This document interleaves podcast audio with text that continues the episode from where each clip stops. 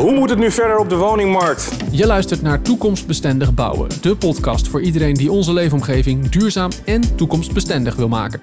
Mijn naam is Segert van der Linden en ik ga samen met jou op zoek naar het hoe en wat. Het is niet zo dat we over tien jaar denken van, ah nou, dan weten we wel hoe het zit met al die toekomstbestendige indicatoren. Nee, dan, dan zul je waarschijnlijk nog steeds aan de bak moeten, maar dan heb je een andere grond gecreëerd waarop je met elkaar kan gaan samenwerken. Ga je mee op weg naar een duurzame manier van wonen? Dan is dit de podcast voor jou.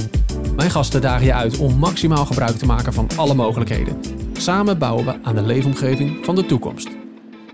Er zijn veel nieuwe woningen nodig. Die moeten natuurlijk gebouwd worden. Het liefst snel en vooral duurzaam. Want als we nu niet inzetten op duurzaamheid, dan is de toekomst er een met hitte-eilanden, een dalende biodiversiteit en wellicht een CO2-lockdown.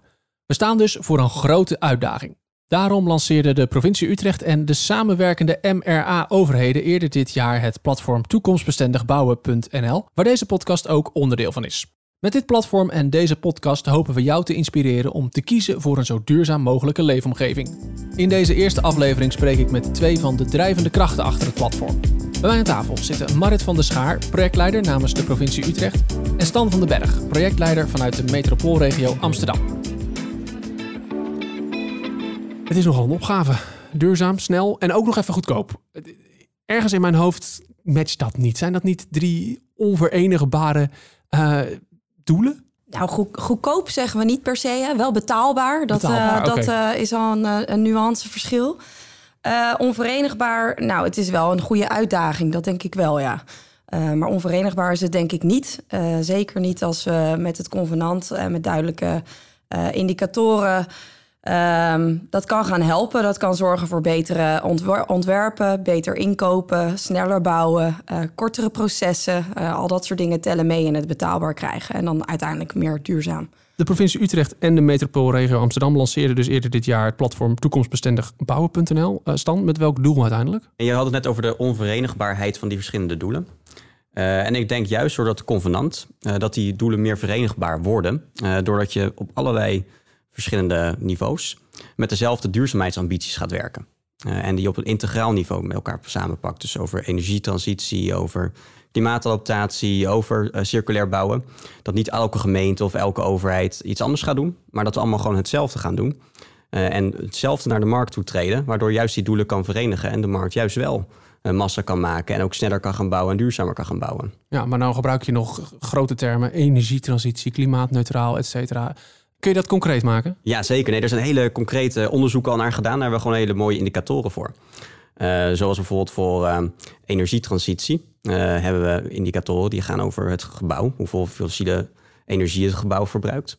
en indicatoren over hoeveel energie nodig is bijvoorbeeld voor de warmte- en koude systemen van het gebouw. Ja, dus dat zijn hele praktische cijfers. Die staan ook genoemd in convenanten. Komen we er straks nog heel even op terug. Um, maar die, die kaders die, die worden nu geschetst. Is dat in, in, in beton gegoten? Nee, die zijn niet in beton gegoten. Um, het is denk ik ook belangrijk om te zeggen dat de indicatoren die we hebben gekozen, dat zijn uh, veelal al indicatoren die al door de goede gemeente worden gebruikt. Dus we hebben niks nieuws verzonnen. We hebben wel her en der wat aangescherpt. Omdat je, ja, we moeten 2050 zien te halen, de doelen, de Parijs-doelstellingen.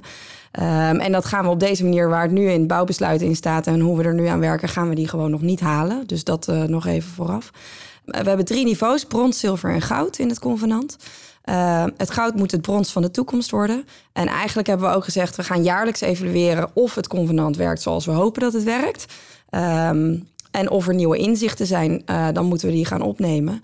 Uh, en dat, uh, dat willen we dus jaarlijks gaan doen. Als blijkt dat we, dat we al veel beter kunnen, ja, dan moet brons natuurlijk omhoog getrokken worden. Dus dan gaan we dat aanpassen. Dus het is niet in beton gegoten. En juist dat niet het beton gegoten zijn, daar wordt het denk ik interessant de komende periode. Want we gaan echt een leertraject in met elkaar. Ja. met, bar, met marktpartijen. met corporaties, met gemeenten en met provincies gaan we echt samen leren hoe je nog toekomstbestendiger kan bouwen. Door gewoon al te werken met indicatoren. Uh, en ook die indicatoren samen te pakken. En de lessen eruit te trekken en te kijken van hoe kunnen we dan daadwerkelijk toekomstbestendiger gaan bouwen op al die verschillende facetten. Op het gebied van klimaatadaptatie, op het gebied van uh, circulair bouwen. En daar wordt het echt interessant. Dan zien we dat het niet in beton gegoten is en dat het steeds vaster komt te staan. Ja. Uh, en dat we juist met elkaar de leerruimte houden. En dat je dus ziet dat het per project heel erg kan verschillen. Dus het gaat ook juist dat integrale benadering. En veel mensen zeggen dan ja, maar dan heb je weer zo'n stapeling van ambities. Dat is, dat is wel, hè, daar gaan we weer. Um, maar juist het. Um, uh, het integraal benaderen en dat je dat locatie specifiek en opgave specifiek. En dan heb je nog steeds alle kaders eromheen. Hè, want nu hebben we met Oekraïne hebben we dan ook te maken. Maar straks is er vast weer een andere aanleiding. Waardoor er, ja. precies. Ja. Uh, dat je dus constant die afwegingen gaat maken. Dus je hebt al die thema's die in het convenant staan. Die Stan ook al heeft benoemd. Die, die moet je erbij pakken. En je moet vooraf in je proces dan echt met elkaar om tafel gaan zitten.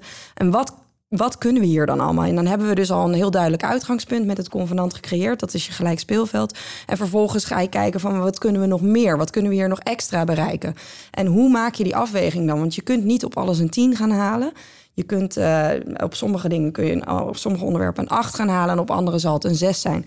Maar je maakt dan wel een weloverwogen besluit. In plaats van dat je er achteraf achter komt. Dat je denkt, oh jeetje, dat hadden we eigenlijk wel erbij willen hebben. En dan wordt het zo'n stapeling van ambities. En dan gaat het heel veel geld uh, kosten.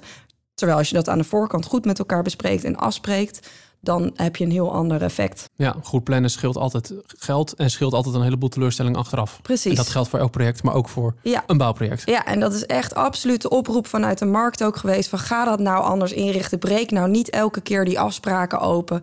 Zorg dat we van tevoren met elkaar zitten, zodat we juist ook beter kunnen ontwerpen, maar ook sneller en uiteindelijk dus betaalbaarder kunnen, kunnen maken. We hebben het over duurzaamheid, over cijfertjes, over klimaatdoelen. Ik denk, pff, is het niet ongelooflijk saai af en toe? Nou, als je er zo in zit wel. Maar ik vind het vooral heel erg leuk. Het is echt wel een hele enorme uitdaging. Dat is al heel spannend.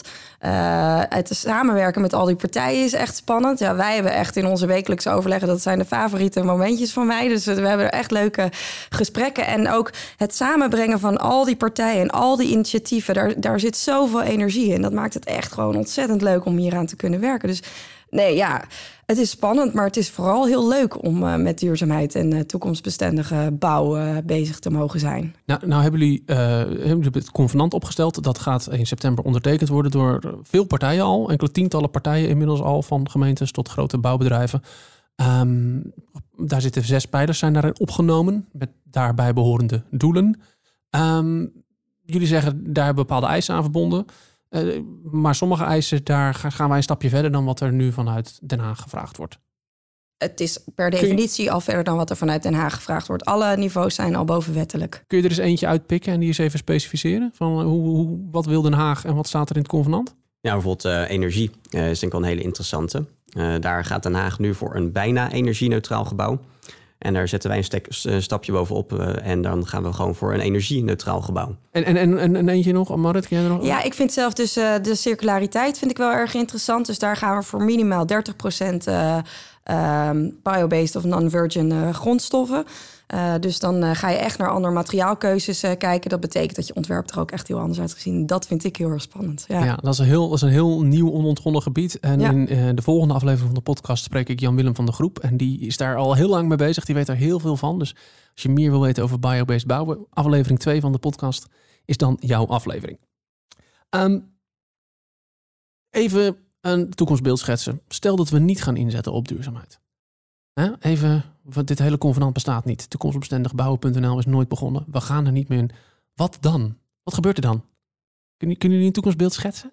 Nou, voorafgaand aan het antwoord op deze vraag, denk ik wel goed om te benoemen dat er wel heel veel andere initiatieven ook zijn. Uh, waar ook wel natuurlijk dit onderwerp van gesprek is. Dus dat die initiatieven uh, ook al heel veel betekenen in het speelveld. Uh, dus dat het waarschijnlijk nog steeds een hele toekomstbestendige wereld zal gaan worden. Uh, maar als al die initiatieven er ook niet zouden zijn, uh, dan krijg je natuurlijk een hele lastige situatie waarin Nederland gewoon echt niet toekomstbestendig gerealiseerd wordt. We zijn nu, staan nu voor de grootste verbouwing van Nederland, zo noemt de minister het. Uh, echt in tijden. en als die grootste verbouwing niet toekomstbestendig gaat gebeuren, dan denk ik dat, die, dat Nederland er over 50 jaar echt een stuk minder mooi uitziet. Minder mooi? Ja. Ah, dat valt me nog mee. Minder mooi. Daar kan ik nog wel mee leven. Nou ja, als je, de, als je alle prognoses erop uh, op nagaat, dan, dan, dan zal er, als je daar niet over nadenkt en niet mee bezig bent, dan ga je woningen bouwen op verkeerde locaties.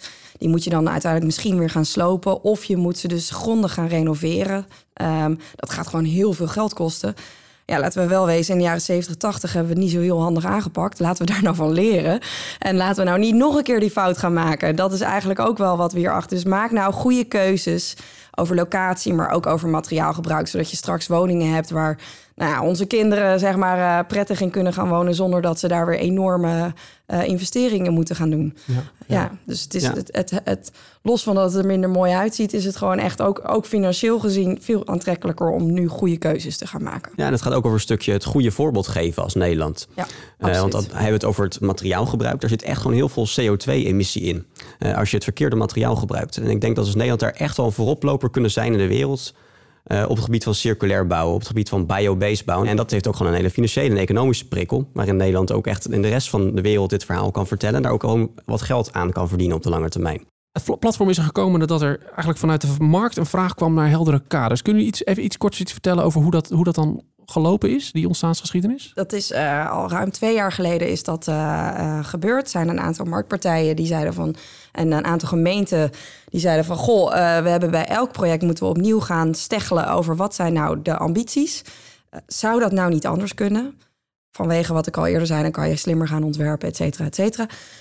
Um, die handschoen is opgepakt door een aantal initiatiefnemers. Dat zijn de ROM Utrecht... Ballas Nedam, uh, gemeente Amersfoort en uh, gemeente Utrecht. Uh, die hebben daar vervolgonderzoek naar gedaan van... Goh, zijn er nou meer partijen die hier eigenlijk wel behoefte aan hebben? en daar kwam dus een ja uit. En vervolgens welke vorm? Nou, een convenant.